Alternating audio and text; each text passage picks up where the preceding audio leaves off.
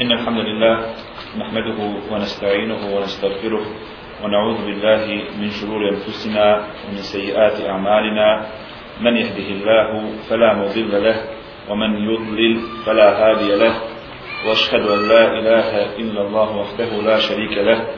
وأشهد أن محمدا عبده ورسوله. وبعد. Danas ćemo se inša Allahu ta'ala družiti sa surom Tin koja je objavljena u Mekki. To prenosi Abdullah ibn Abbas i drugi ashab poslanika sallallahu alaihi e, wasallame. Na početku sure Allah subhanahu wa ta'ala kaže od tini, od zajtun, tako mi smokve i masline.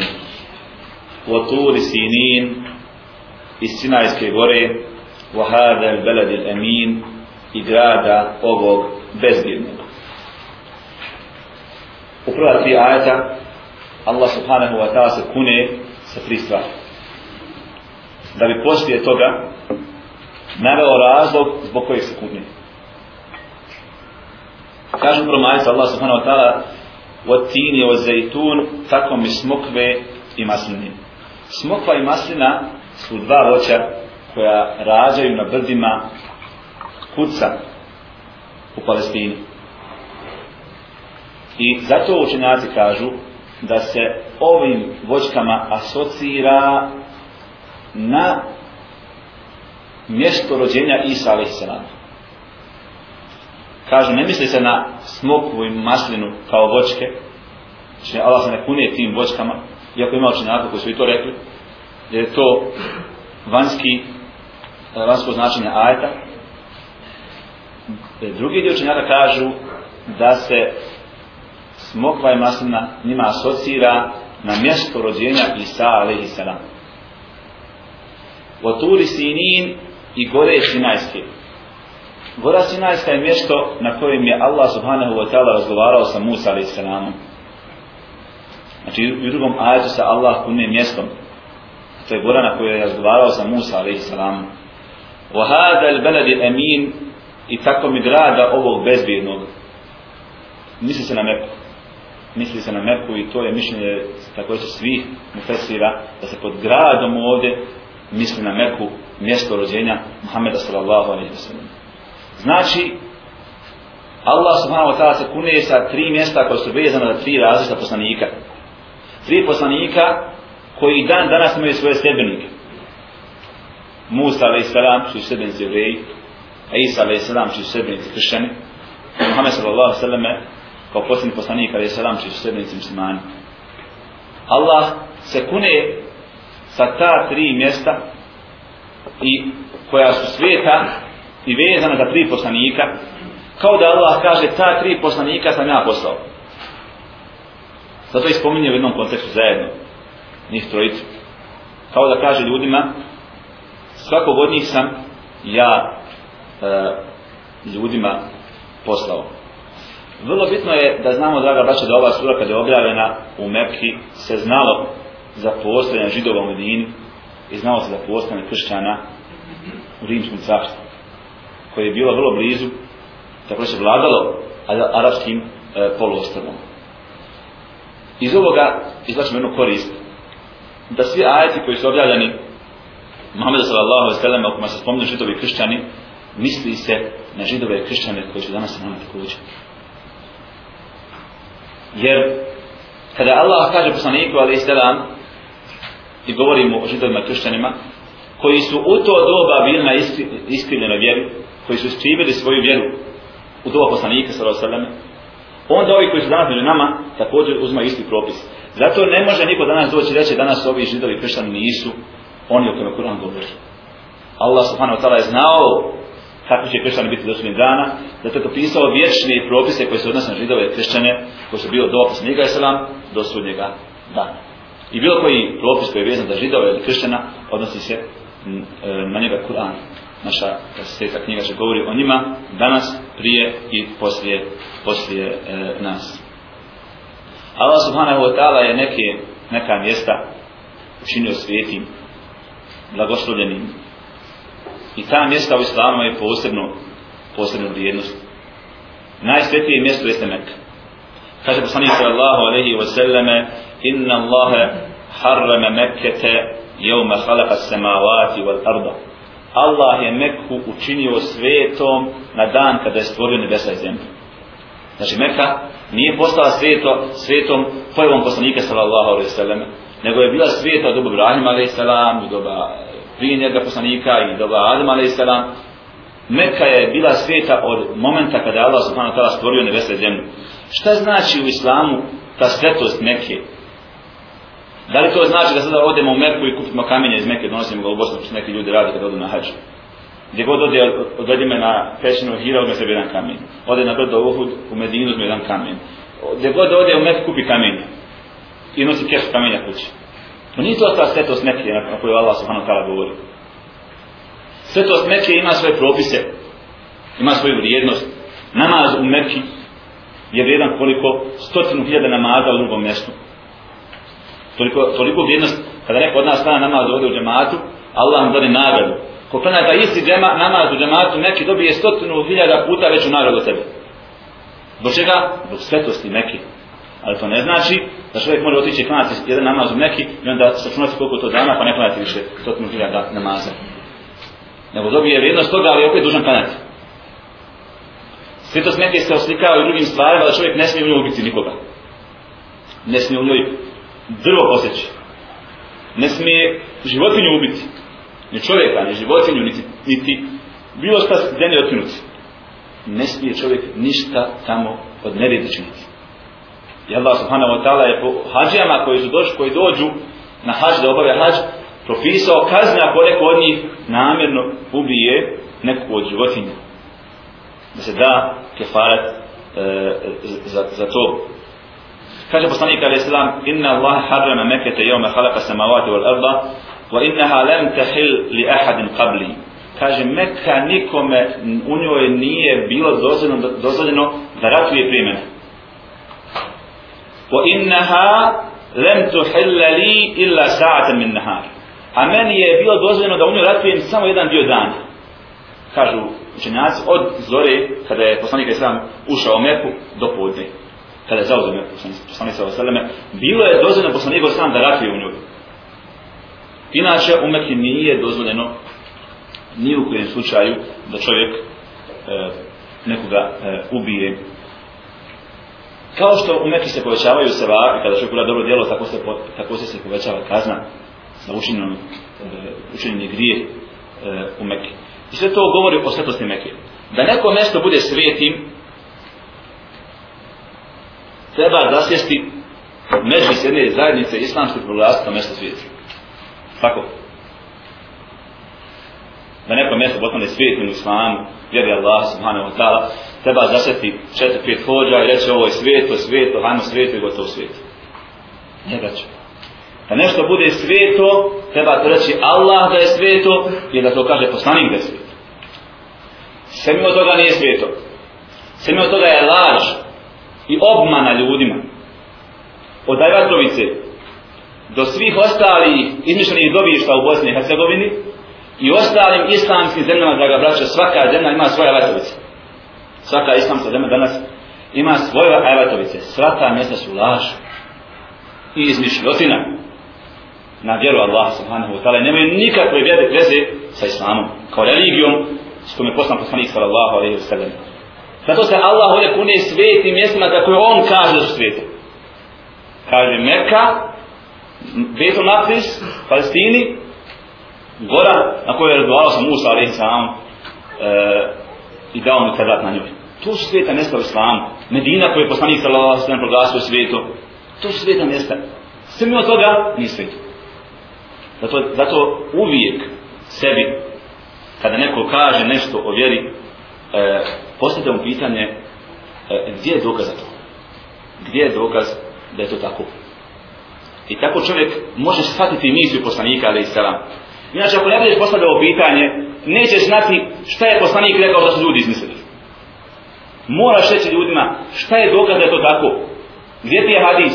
Gdje je ajet? Nemaš? Nije tako. Inače, svaki, svaki čovjek može da doda u vjeru šta hoće, ako ga niko ne bude pitao za dokaze.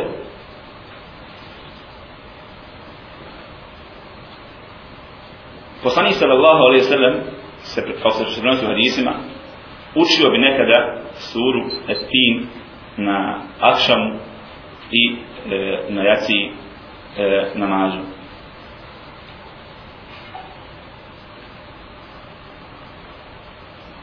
Kažu Lama da je najveći bereket gore Sinajski na, na koju je Allah razgovarao sa Musa ali islamom, ta što je Allah razgovarao sa njim na tom mjestu.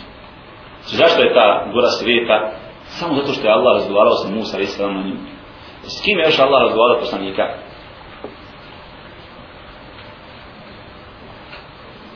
Sa kojim poslanikom je Allah razgovarao još? Sa Musa alaih sallam. Sa Muhammed, sa Muhammedom sallallahu alaih sallam. Samo sa ta dva poslanika je Allah subhanahu wa ta'ala razgovarao kaže Allah tilka rusulu fadbarna ba'dahum ala ba'd to su poslanici nekima od njih e, smo učinili e, neki od njih su veličanstveni ili veći od drugih poslanika. Minhum men kellem Allah sa nekim od njih je razgovarao Allah subhanahu wa ta'ala. Tu se misli na Musa alaihi salama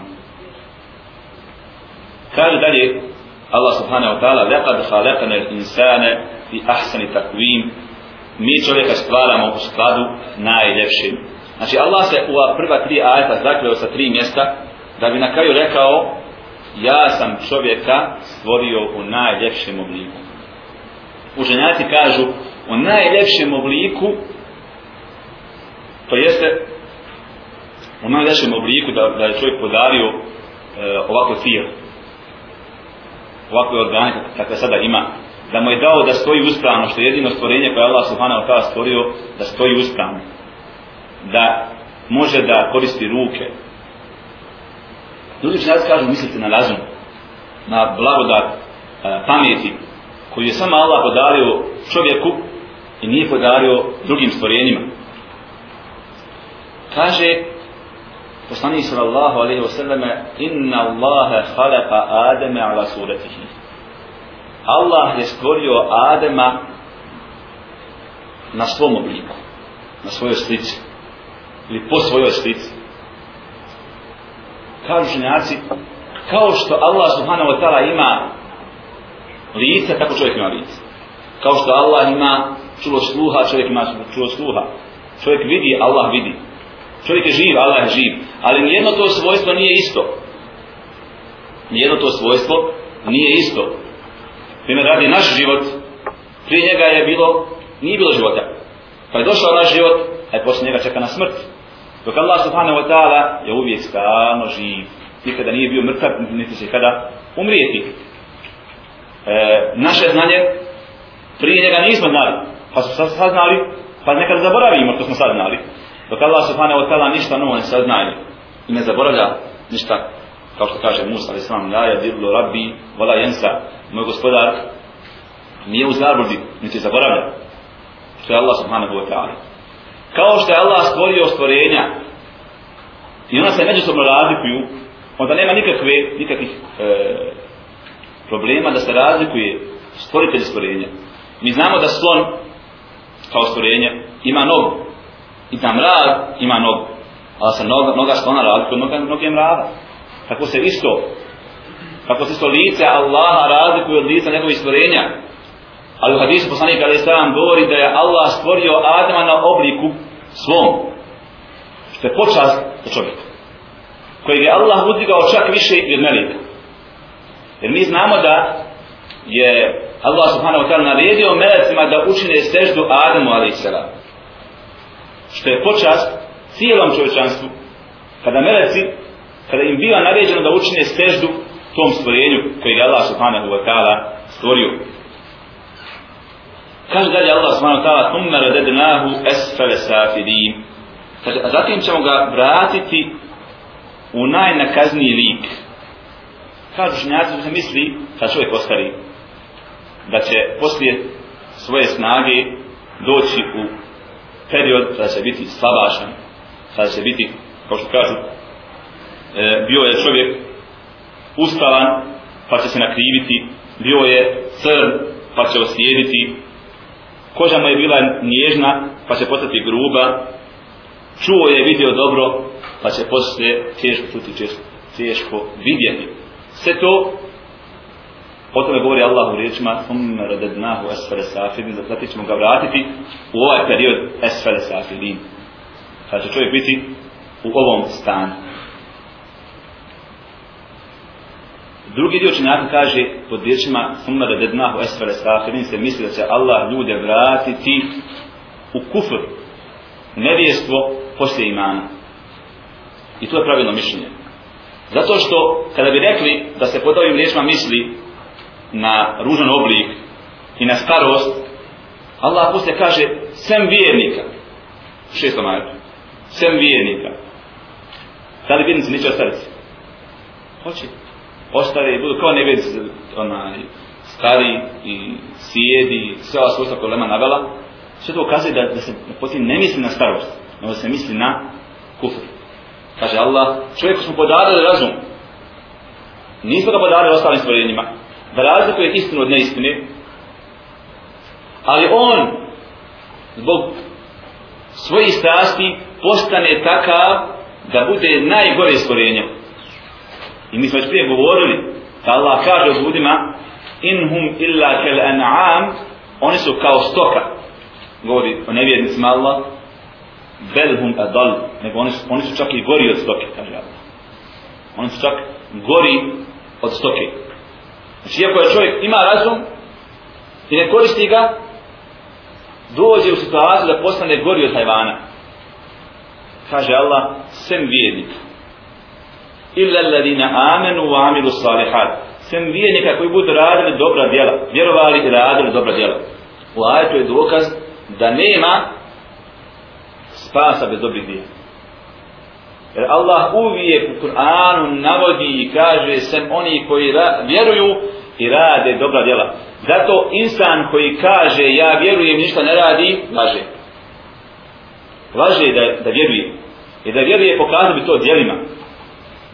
Ono što je u srcu mora se pokaže na, na tijelu. Kaže Ulema, srce je posuda, a tijelo je kao što mi to kažemo, kutkač.